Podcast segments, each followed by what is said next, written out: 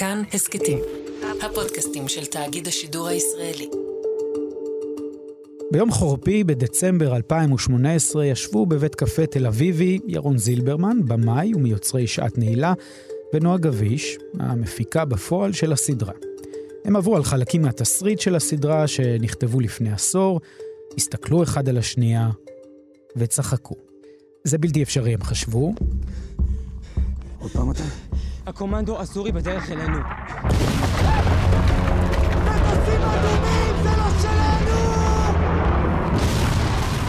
לצלם קרבות שריון, לצלם את הקרב במוצב החרמון, ועוד הרבה מאוד אתגרים ענקיים של הסדרה הזאת. חצי שנה אחר כך הם כבר היו ביחד עם כל הצוות ברמת הגולן בתחילת הצילומים. עוד שנה עברה, ואת התוצאות אתם רואים על המסך.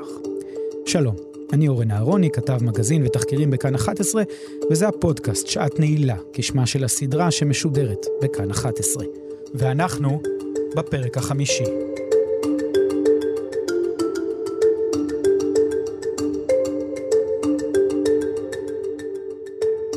והפעם ניקח אתכם למסע קצר אל מאחורי הקלעים של העשייה הקולנועית והטלוויזיונית.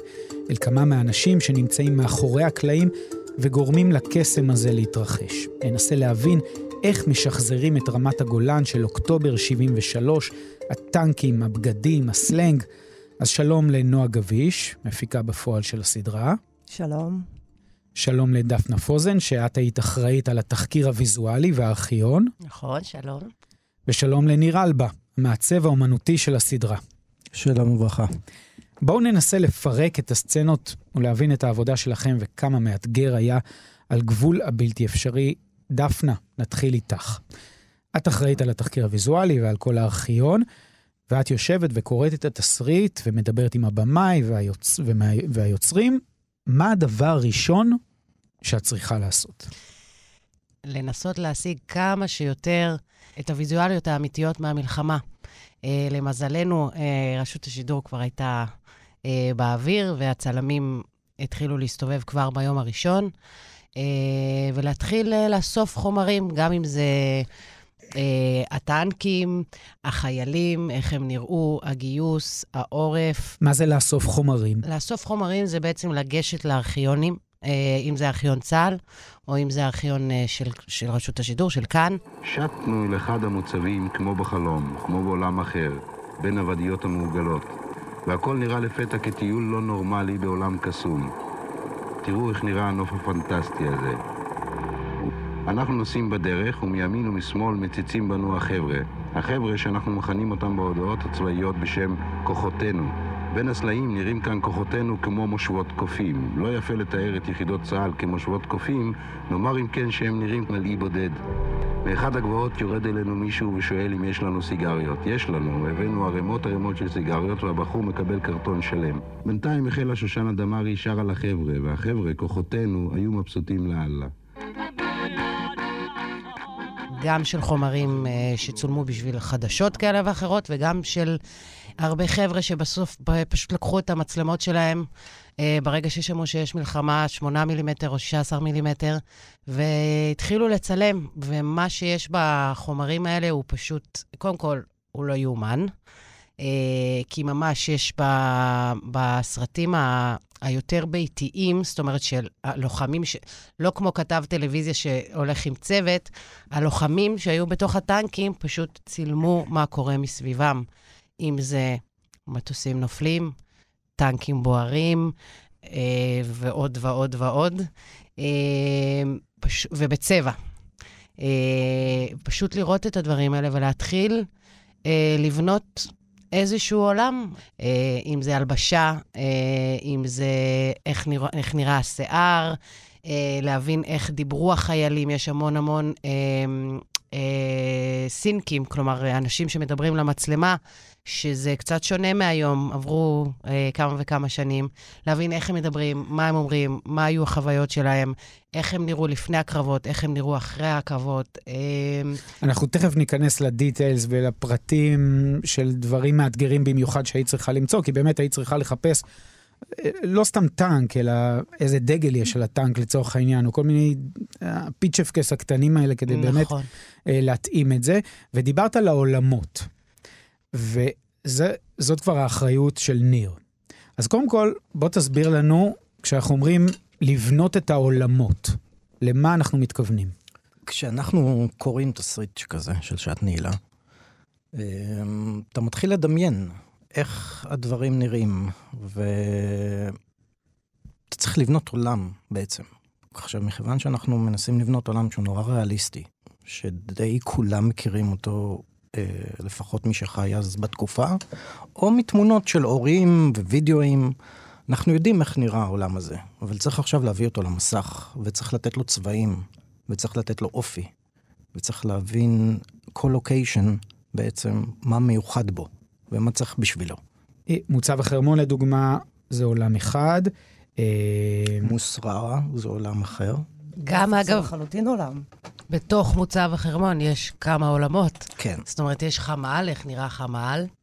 יש איך נראה חדר ההאזנה, אה, ויש בכלל את ההוואי של, ה, של המחילות, תעלות אה, אה, והרחבה. עכשיו, אני רוצה שנייה להבין, לפני שאנחנו מגיעים גם להפקה ולאיך איך מביאים את כל הדברים האלה.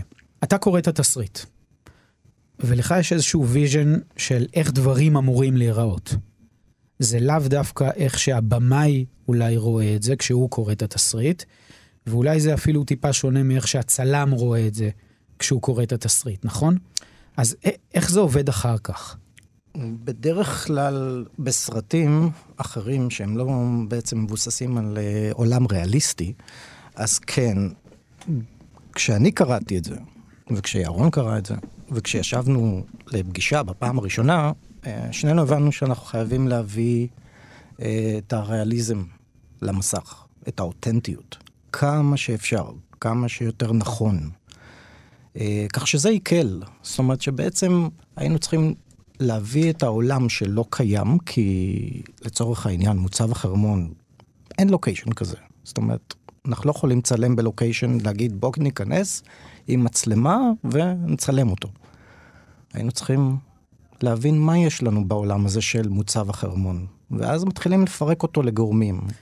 זה התחיל בתחקיר, עבר בעצם ל vision ולבניית העולמות, כלומר, מה אנחנו רוצים, ואז השלב השלישי, זה עובר בעצם להפקה, ואומרים לה, זה מה שאנחנו צריכים שיקרה. אה, אני חושבת שבהתחלה, בהתחלה, אחד הדברים שהיו הכי חשובים, וממש לקחנו לזה כמה חודשים, אה, היה לראות את האמת. לעשות סיורים במקומות האמיתיים. כי אם אתה לא מסתובב במקומות האמיתיים, אה, אתה, יהיה לך מאוד קשה לייצר את הדבר הזה. יכול להיות שפה אני, אני כן אגלוש לדבר טיפה על מוצב החרמון, כי אני חושבת שזה בעצם סיור שכולנו הלכנו למקום האמיתי. אני זוכרת את ניר הולך שם בתעלות, מצלם אה, מיטות קומותיים, מצלם איך בן אדם היה כותב על הקיר ואיך נראו הדברים שהחיילים באמת כתבו. ואתה מתחיל להרגיש את הריח, ואתה מתחיל uh, לראות צבעים, וגם קצת להרגיש בגוף שלך את הקלסטרופוביה, או את המקום הסגור. ופה מתחיל הקסם. תנו לי שנייה את, ה, את הבנייה של העולם הזה, של מוצב החרמון, שזה בעצם מוצב מאוד מאוד סבוך, המון המון מחילות, חייבים המון תחקיר כדי גם להבין מה היה שם ואיך זה נראה. ספרו לי איך בונים את הדבר הזה. תראה, הצילומים היחידים שיש ממוצב החרמון של פעם, זה רק ההרס שנשאר אחרי שהסורים בעצם כבשו אותו. זה בעצם הצילומים היחידים שיש. מעבר לזה, את כל הפנים והיציאות והאולם כניסה, בעצם ניסיתי אה, להבין איך, איך יוצרים תחושה של קלסטרופוביה. איך, יוצר, איך יוצרים מפלסים במקום הזה. כי בעצם יש לנו איזה ארבעה מפלסים אה, במוצב החרמון, שאנחנו צריכים להראות עליות וירידות, כניסות ויציאות, ובריחה. חדרים. וחדרים וחללים. אה, היה מאתגר, כי בסופו של דבר הבנו שאנחנו חייבים לפרק את מוצב החרמון לרסיסים. וזה אומר לצלם אה, לוקיישנים פה, ולצלם לוקיישנים שם, ושם, ולמצוא את הדרך לחבר אותם, כדי שבסדרה זה ייראה כמו מקום אחד. והדבר, ואחד מהדברים שעשיתם זה כמובן סיור לוקיישן בתוך המוצב. נכון. איך היה להיכנס לשם? מרטיט. מרתק. מרתק מאוד. אני, אני פשוט... אה, תארו לנו היה את לי זה. איזה רגע שאני וירון פשוט נעלמנו להם. הלכו, לא, הלכו לאיבוד לא יכולנו, במחילות. לא יכולנו, הייתי חייב להרגיש את, ה, את, ה, את הקלסטרופה ואת הלחץ. הייתי, רציתי לת, לה, להרגיש את זה בגוף שלי כדי שאני אוכל להוציא את זה, כדי שאני אוכל לעשות את זה. היה שם אור? אני חושבת שתמיד היה לנו פנסים, זה כבר משהו שלמדנו מהסיורים המאוד מאוד מקדימים. אה, גם אה, איפה שצולם באמת, בסופו של דבר אנחנו מצלמים את מוצב החרמון, יש לי איזה זיכרון פה עם ניר אה, נחמד, שאתה מתהלך בתעלות החשוכות האלה, ופתאום אתה שומע רעש, ואתה לא כל כך יודע מה זה הרעש הזה. אני זוכרת שניר שמע רעש וראיתי לראשונה גבר מאוד מאוד נבהל, אבל הוא הגן עליי ככה בגופו. וזה הפך להיות uh, מסע, אנחנו כל פעם uh, יוצאים עם uh, פנסים uh, והולכים לאיבוד בתוך המחילות. כי המחילות בעצם הן אה, חשוכות, אה, ללא תאורה. אה, מעט מאוד אוויר. מעט מאוד אוויר. וזה היה האתגר גם לקחת את המקום הזה. וגם יש קומות, ונכון, ואפשר... תראה, אין שם, איפה שצילמנו, אין ממש קומות, אה, אבל הצלחנו לייצר, אה, לייצר את העליות ואת הירידות ואת המפלסים אה, בצורה יצירתית על ידי בניות של כמה חלקים כאלה ואחרים, ודלתות מברזל וכניסות ויציאות. אז עוד מעט נגיע לאיפה צילמתם את הכניסות והיציאות האלה. דפנה, מה, היה, מה הייתה המשימה הכי מאתגרת מבחינתך? זאת אומרת, משהו שהיית צריכה להביא ובאמת היה קשה ואי אפשר היה למצוא בארכיון? אה, מבחינת התחקיר הוויזואלי, אני חושבת שהיה מאוד מאתגר אה, להגיע לדייק את איך בעצם אה, נראה הצבא הסורי, על כליו, חייליו, מפקדיו, סימניו הטקטיים, כל הדברים האלה. אה, מה זאת אומרת סימניו הטקטיים? אה, על טנקים בעצם יש אה, כל מיני סימנים, כמו שיש על טנקים אה, בצה"ל. אה, מי הטנק המוביל, מי הטנק המפקד, איזה דגל שמים על כל טנק. אנחנו ניסינו להגיע לרמת דיוק הכי הכי הכי גבוהה, כדי שזה יהיה הכי אותנטי ואמיתי. אה, ו...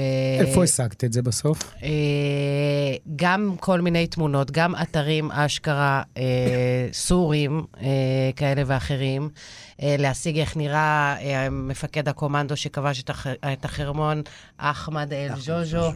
אה, אבל בסוף פגשתי איש מודיעין אה, שישב על אחת הגבעות אה, בימים הראשונים של המלחמה עם משקפת, אה, ואת כל מה שהוא זכר, אה, הוא פשוט סיפר לנו איך זה נראה. לא, אין כל כך הרבה תמונות, הכל מאוד מאוד רחוק, אבל אה, ככה ניסינו להביא את זה ל- לרמת דיוק הכי גבוהה, ובאמת אנשי מודיעין אה, שהיו שם וזוכרים מה הם ראו מול העיניים שלהם. אני חושבת שזה היה הרפרנס בסוף הכי, אה, הכי חזק והכי משמעותי.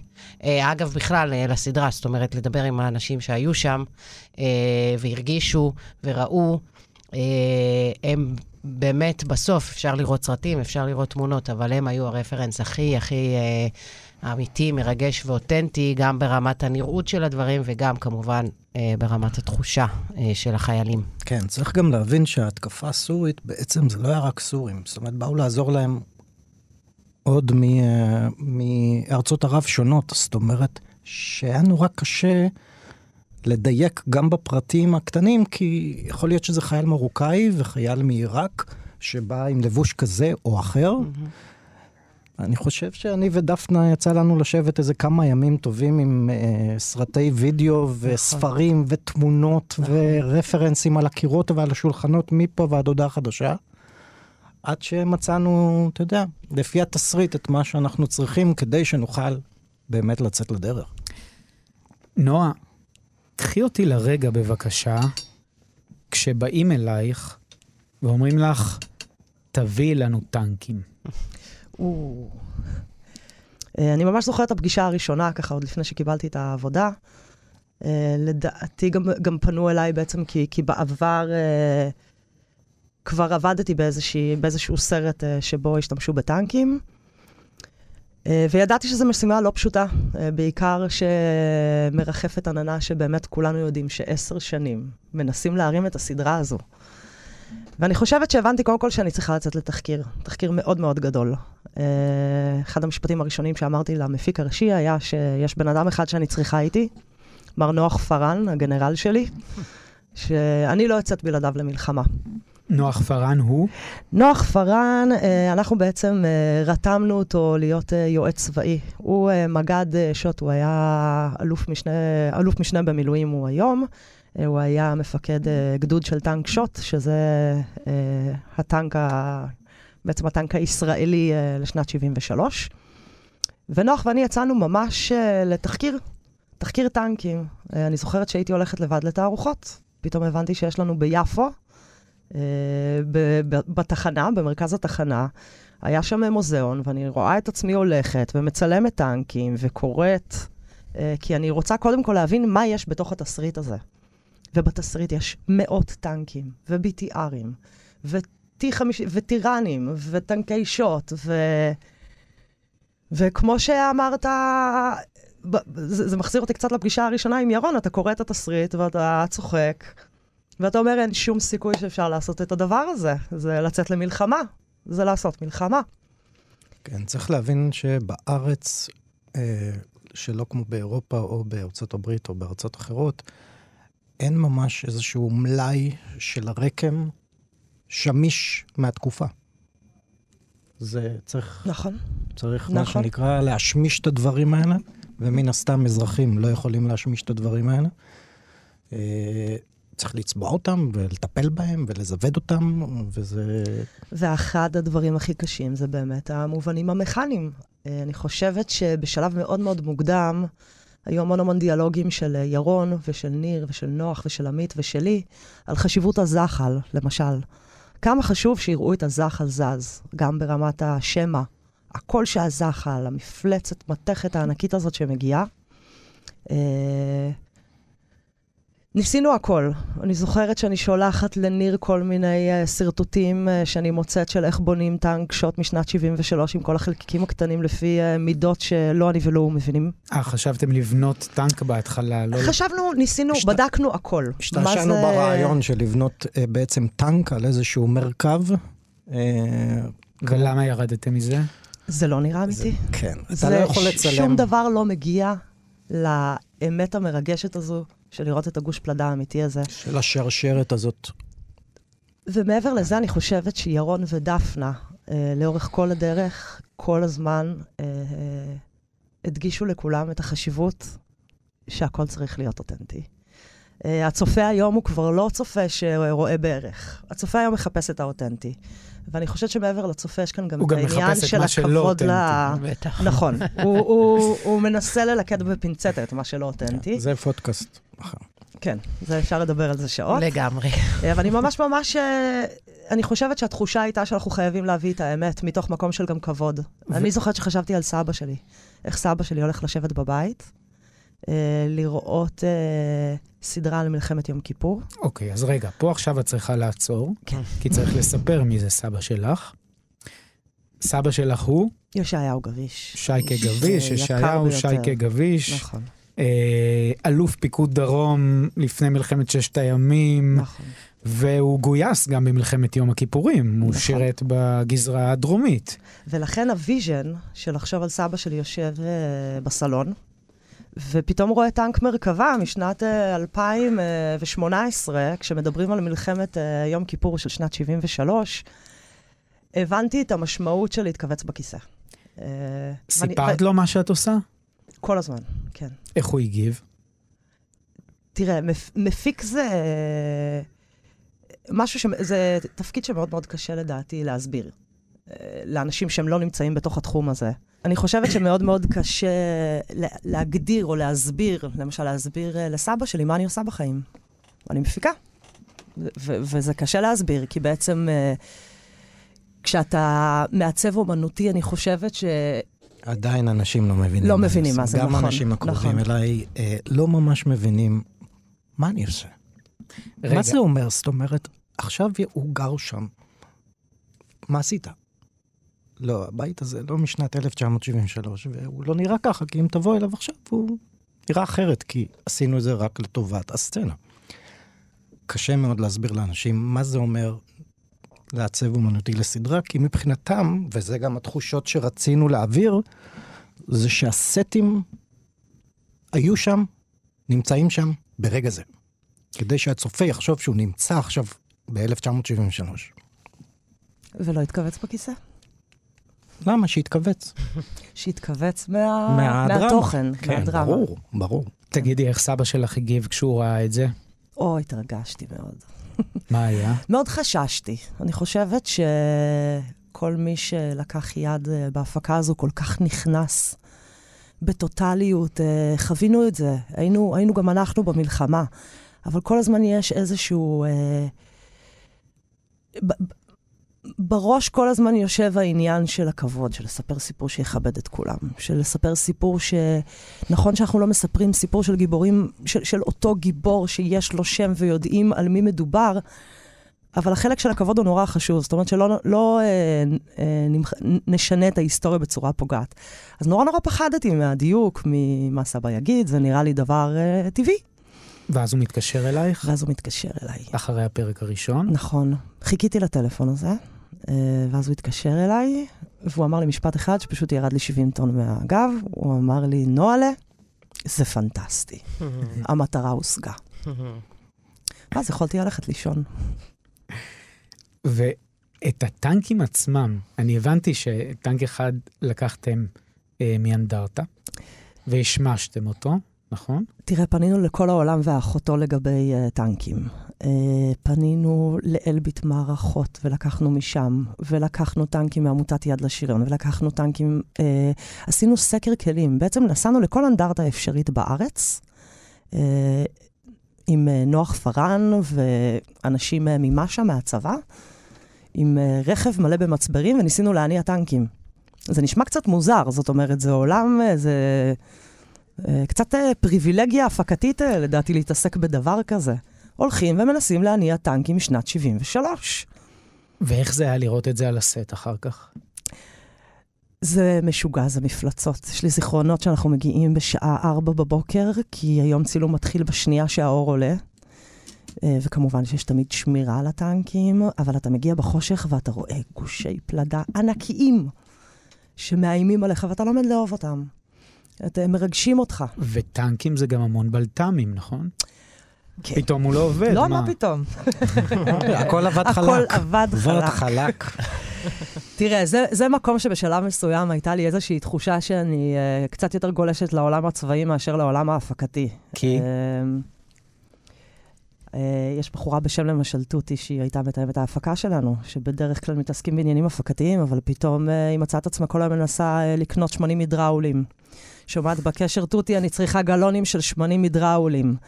וכל יום מצטרף לך עוד מכונאי לסט, שאתה מאתר מכונאים שמכירים את הכלים משנת 73, כי אם יש תקלה, צריך לתקן אותה. ואתה קם בבוקר ויש כל פריסת שנייה זחל? עולה עשרות אלפי שקלים. אתה לא יכול להפסיק לעצור, ת, אה, לצלם. אתה צריך לא לעצור. כל הזמן לצלם ולמצוא פתרונות. אז אתה כבר מוצא את עצמך עם... יש לך D10 על הסט, שזה טרקטור ענק עם זחל, למקרה שיקרה משהו, וגם שופל למקרה שיקרה משהו, וגם מוביל טנקים למקרה שיקרה משהו. ועוד מכונאי טנקים למקרה ויקרה למקרה משהו. שיקרה משהו. וקרה. דפנה, אה, חלק מהדברים, בטח במוצב החרמון, היו מסווגים. והיה צריך להגיע גם אליהם, לא? אה, כן. אה, קודם כל יש את ארכיון צה"ל, שעזר לנו המון, הייתי שם כמה פעמים, גם ברמת סרטים ותמונות וגם ברמת ממש מסמכים. כמובן שיש דברים שהם עדיין אה, מסווגים, וכמובן שעד היום אני שומעת ורואה אה, אה, סיפורים של אה, לוחמים שמחפשים תשובות לכל מיני דברים, וגם הם ניגשים לשם אה, מי נתן את הפקודה וכל מיני דברים כאלה, אבל זה לא מענייננו, זה פשוט אה, מה... אה, נוצר לי קשר עם הרבה לוחמים מהמלחמה בתקופה הזאת, אז אני ככה... אה, אבל אה, יש, אה, אפשר לחשוף כל מיני דברים. נגיד יומני מבצעים לצורך העניין. יומני מבצעים, למשל משהו שחיפשנו מאוד ולא מצאנו, פייר לא מצאנו, זה חוברת סימנים מעידים למלחמה. ידענו שהיה כזה דבר, אה, סיפרו לנו על זה, אבל לא מצאנו את המקור של הדבר הזה. אה, אז אה, ייצרנו את זה מ... המצאנו את זה המצאנו. בסגנון צבאי. אבל למשל, אה, בפרק האחרון ראו את אה, דפנה בחמ"ל כותבת את יומן, אה, יומן מבצעים ואת הרשימות של הנפגעים. זה דברים שמצאנו שהם באמת אחד לאחד, זאת אומרת... ואת היומן, לדוגמה, שאבינועם כתב בו את, ה... את כל הסימנים המעידים, או את מה שהוא האזין לפחות? ארכיון צה"ל. ארכיון צה"ל. ממש ראינו גם מה כתבו, זאת אומרת, שעות, אה, בסוף זה הפך לאיזשהו בלאגן, אה, כמו שאפשר להבין, אבל אה, ממש מצאנו את המסמכים המקוריים. אה, לא, זה לא מאוד קשה, זה באמת הכל בארכיון צה"ל, אבל... אה, אני זוכרת המון שיחות של ירון ודפנה של אה, התרגשות. אה, בהתחלה זה היה שלושתנו ונוח. כן. אני זוכרת שדפנה כל היום הייתה אה, ממש נכנסת לחדר, מקשקשת בזנב באיזו התרגשות מטורפת, ומספרת לנו, אתם לא מבינים מה מצאתי היום. ואיך היא כל הזמן אה, אוגרת חברים חדשים. כל יום היא מוציאה אינפורמציה מעוד בן אדם חדש, ומגלה שהבן אדם הזה מכיר מישהו שמכיר מישהו שכתב משהו במוצב החרמון, ומביאה. כל היום מביאה לנו אינפורמציה. אגב, זה המון לדבר עם אנשים. וצריך להביא את כל האנשים האלה אחר כך גם לדבר עם השחקנים ועם את הצוות, נכון? חלקם הבאנו כמובן, אה, יותר ברמה של התחושות הפיזיות, פחות אה, דיוקים אה, ויזואליים, אבל כמובן שבמסגרת אה, התחקיר הפגשנו את השחקנים עם אה, לוחמים, גם מהחרמון, גם כמובן מתל סאקי. אה, אנשים שישבו בשבי וסיפרו לנו את הסיפור ה... אה, שלהם אה, לפרטי פרטים, אלא היו חוויות באמת שאנחנו, אני חושבת שאני וכל מי שישב בחדר הזה, כולל השחקנים וירון ונועה, וכל מי שישב בח- בחדרים האלה ופגש את הנפש הפצועה אה, מהמלחמה, אני חושבת שהוא ייקח את זה איתו נכון. אה, תמיד, אה, וזאת הייתה חוויה מדהימה, ובהקשר למה שנועה אמרה על, על, אה, על אה, סבא שייקה, אה, זה באמת, אותי זה מלווה כל הזמן. זאת אומרת, מה... גם אבא שלי היה במלחמה אה, וחבריו, אה, אבל אני נורא סקרנית לדעת כל הזמן מה זה גורם להם להרגיש. לא בהכרח על הדיוקים או לא דיוקים, אני חושבת שזה משהו יותר גדול מאיך נראה קופסת שימורים ב-73, אבל אני חושבת ש... שגם את זה היית צריכה להביא. בוודאי, הכל. אבל... אה, דפנה הראתה לי בדרך לפה אה, צילום של פתקים שניר היה משאיר לה על השולחן, אה, במחברת שלה. כמו מה? שכל יום היה שם איזשהו, אה, כמו רשימה של דברים שדפנה צריכה להשיג. שדפנה חייבת להשיג אה, תמונות. לבוא עם תמונות. כן, כמו שימורים לצורך העניין, איך נראו שימורים, הכל, הכל צריך לדעת איך היה נראה, איך היה נראה ב-73. אז אה, ניסינו באמת, אה, אבל יש, באמת שיש הרבה... יש חומר ולפעמים הוא גם uh, מתעתע. רגע, וכמו לדוגמה, ראיתי שיש הרבה תגובות על הפאות. האם הפאות תראה, הגיעו אני אגיד עד לך את למטה? האמת. אה, קודם כל, יש כמובן?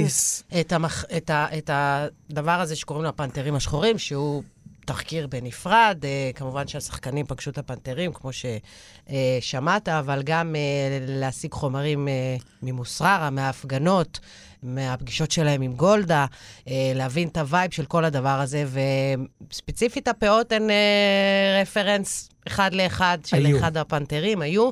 וגם היום, למשל, כשאני אה, עכשיו בקשר עם כל מיני אנשים בעקבות קבוצת הפייסבוק המדהימה אה, של שעת נעילה, ואנשים שולחים אליי המון חומרים שלהם אישיים מהמלחמה, אה, אני רואה את התמונות, ולא תבדיל, באמת, בחיי, שלא תבדיל בין שחקן לבין אה, לוחם אמיתי. זה באמת נראה ככה. אני יודעת שיש המון המון... אה, בכל ב- סוף פרק אפשר האמת לראות את זה. יש, בכל סוף אה, פרק, בטח. יש ערימה בעצם של ארכיונים שנמצאת אה, בקרדיטים, שאפשר לראות הרבה מאוד תמונות שהשתמשנו בהן לתחקיר. כן. אה, כל מחלקה כאן, אני חושבת, אה, הייתה כאן איזושהי התגייסות. כולנו רצינו...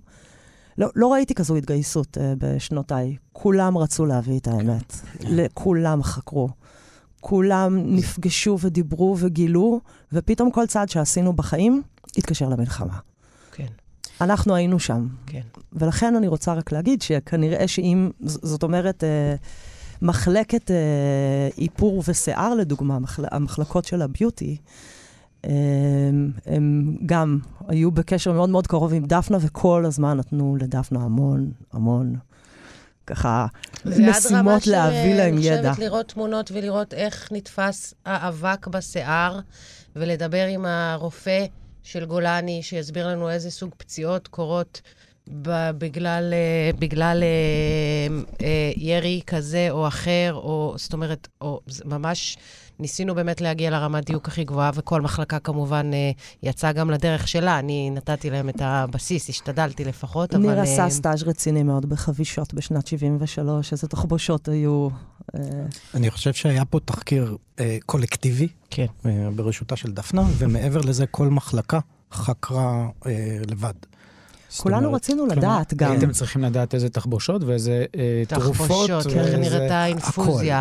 הכל. אה, המו- הכ- שום דבר הוא לא רלוונטי להיום, שום כלום. דבר הוא לא נראה כמו היום. צריך כן. להבין הכל, פונטים של דברים. אה, אני זוכרת אומר- דיאלוג של ניר ושלי, על, למשל על המיטות אה, של הפצועים. אה, בתור מפיקה, אני תמיד אה, דואגת לתקציב. מאוד חשוב לעמוד בתקציב. אה, ולפעמים המפיק הוא מנסה קצת, אה, מה שנקרא, להקל על הדברים כדי שהם יהיו פחות יקרים. והמון המון דיאלוגים, שזה צריך להיות הדבר הנכון. זה חייב להיות הדבר הנכון. כשאמרת שזה מתעתע, למה התכוונת? שיש רפרנסים אה, מפה ויש רפרנסים מפה, והמלחמה היא, היא מורכבת. זאת אומרת, אלה שהיו בדרום, זה לאו דווקא אותם רפרנסים של אלה שהיו בצפון. אוקיי? יש כל מיני ניואנסים קטנים. אוקיי? למשל, אה, הנשק FN. אוקיי? למשל, הגולני בחיים לא השתובבו עם FN, אלא רק הצנחנים. ניואנסים קטנים. אתה יודע, שרק אה, באמת אנשים שאולי היו בתקופה הזאת מבינים את זה. היה מקרה אחד אה, שבאתם לצלם, ופתאום אתם רואים שצה"ל, שחיילים יושבים במוצב, איפה שאתם אמורים לצלם. אנחנו בעצם צילמנו, אה, רוב הסדרה הייתה מצולמת במקומות אמיתיים של הצבא, אה, שזה אחד האתגרים הגדולים, אה, אם, מדברים על אתגרים. ומעבר לזה, התקופה שצילמנו ברמת הגולן הייתה באמת תקופה, כמו שאתה אומר, של מתיחות ברמת הגולן. אז כל הסיפור של התיאום שטחי אש והטילים אה, היה מאוד מאוד מורכב. והגענו לשלב שאנחנו צריכים לעלות לתל, שבסדרה זה תצפית 87, ולא יכולנו, כי התל היה מאויש. ואני שבוע וחצי לפני הקמה. ויש שם חיילים, יש שם חיילים, ואי אפשר להזיז אותם. אי אפשר להיכנס. אי אפשר לעשות ולניר הקמה. יש הרבה מאוד עבודה. מה עושים? עוצרים. לא. בונים בקיבוץ. אה, בניתם במקום אחר את המוצב. הולכים ובונים חלק בנינו- ממוצב. כן, בנינו את הפנים בעצם של הבונקר אה, בקיבוץ. צילמנו את כל הפנים כדי לתת אפשרות אה, לצה"ל לפנות לנו את הגבעה שרצינו. לנצח. אז אה, כל הפנים בעצם אה, צולם בקיבוץ. ואז, אחרי שצה"ל, או הסורים, החליטו שהם אה, מפנים אה, את הגזרה שלהם, וצה"ל אה, יורד מהתל, עלינו ובנינו את החוץ כביכול של הבונקר, ואת כל מה שמסביב. ומשם... חשוב להבין שלמשל לפני שמגיעים למקום, אז המפיקים שואלים את אה, ניר, כמה זמן לוקח להכין? וכמה זה עולה. כמה זמן וכמה עולה להכין עכשיו את הדבר הזה, לבנות את הדבר הזה. אז צריך להבין שבסיטואציה כזו, אם ניר צריך שבוע, פתאום יש לו שלושה ימים. זה אומר שאנשים עובדים 24/7, זה אנשים ש... אומר שאנשים עובדים בשישי ובשבת ובלילה, הכל כדי שזה יקרה, כי יש בלטם. וצילמתם בתל סאקי גם, נכון? צילמנו בתל סאקי, כן. ונכנסתם לשם, לתוך. המחילות. כן. מה היה בהתחלה כשנכנסתם? חושך. זה הסיפור של uh, ההליכה של ניר ושלי, ו... כשנכנסים לבפנים, הולכים בעצם לאיבוד. הולכים לאיבוד והולכים בחושך. מדי פעם פוגשים שניים, שלושה עטלפים, דורבן קטן שמסתובב שם. אה, בסיור הראשון, אה. אני זוכרת שממש התכוונו לשלול את האופציה לצלם בתל סאקי. חשבנו שיום צילום הוא דבר מאוד מאוד ארוך. אה, דקה שאנחנו רואים בטלוויזיה יכולה לקחת לנו משהו כמו יומיים לפעמים, או יום, וכל יום הוא גם בין 11 וחצי ל-16 שעות. אז לחשוב על לצלם בתוך המחילות, כשאין לך הרבה חמצן, אה, זה מאוד מאוד מפחיד. אז בהתחלה שללנו את זה, ואני חייבת להגיד שלירון היה מאוד מאוד חשוב כל הזמן שהשחקנים ירגישו את, המ- את, ה, את הדבר האמיתי, וזו התעקשות מאוד נכונה כשרואים את המסך. ועוד דבר, זה לדוגמה בפרק הראשון והשני יש לא מעט קרבות של טנקים. וצריך להתכונן, אי אפשר לעשות כמה טייקים כשעושים קרב, נכון? מה עשיתם לפני? יש, אני חושב הבאנו ש- ארגז חול. כן. הבאנו ארגז חול כזה. ושלושה טנקים מ... היה טנק, שזה לא יהיה כן, יותר הבאנו זר. חיילים, אה, בובות חיילים, וטנקים, ח- אה, כאלה בובות של טנקים. אני זוכרת שהיינו משחקים, היינו יושבים בחדר ישיבות גדול, כל המחלקות, כי שוב, הכל קשור להכל. זאת אומרת, יכול להיות ש... אה, אה, אה, רוב האנשים לא יבינו מה הקשר כרגע, למשל, בין מאפרת לבין קרב, אבל גם היא ישבה בחדר הזה. וכולנו הסתכלנו וראינו... אה, עם ארגז הח- עם ארגז החול, ושיחקנו, כן, שיחקנו בטנקים עם חיילי צעצוע. תמיד אה, צריך לרתום אנשים. תמיד צריך לרתום אנשים בהפקה. כי, כי אנחנו uh, מקבלים uh, משימות בלתי אפשריות. אנחנו תמיד צריכים להמציא את העולם מחדש. אם, אם היה משהו, uh, תמיד שואלים מה היה קשה בהפקה הזו. Uh, כי זו השאלה, רואים טנקים וקרבות וזה. אבל uh, אם תהיה שאלה מה היה הקל בהפקה הזו, אז אני חושבת שהקל היה לרתום אנשים. הקל היה שכל בן אדם ששמע מה אנחנו עושים, נשאב. תודה רבה שבאתם. תודה תודה רבה לכם. שהזמנתם. ונזכיר שוב, הסדרה שעת נעילה היא בהשראת אירועים אמיתיים, אבל הדמויות בדיוניות. תודה לדפנה, לניר ונועה. שעת נעילה משודרת בכל שבוע, ביום שני, בכאן 11, ואנחנו נהיה כאן גם בפרק הבא. עורך הפודקאסט רום אטיק, אפשר למצוא אותנו באתר כאן ובכל אפליקציות הפודקאסטים. אני אורן אהרוני, תודה שהאזנתם.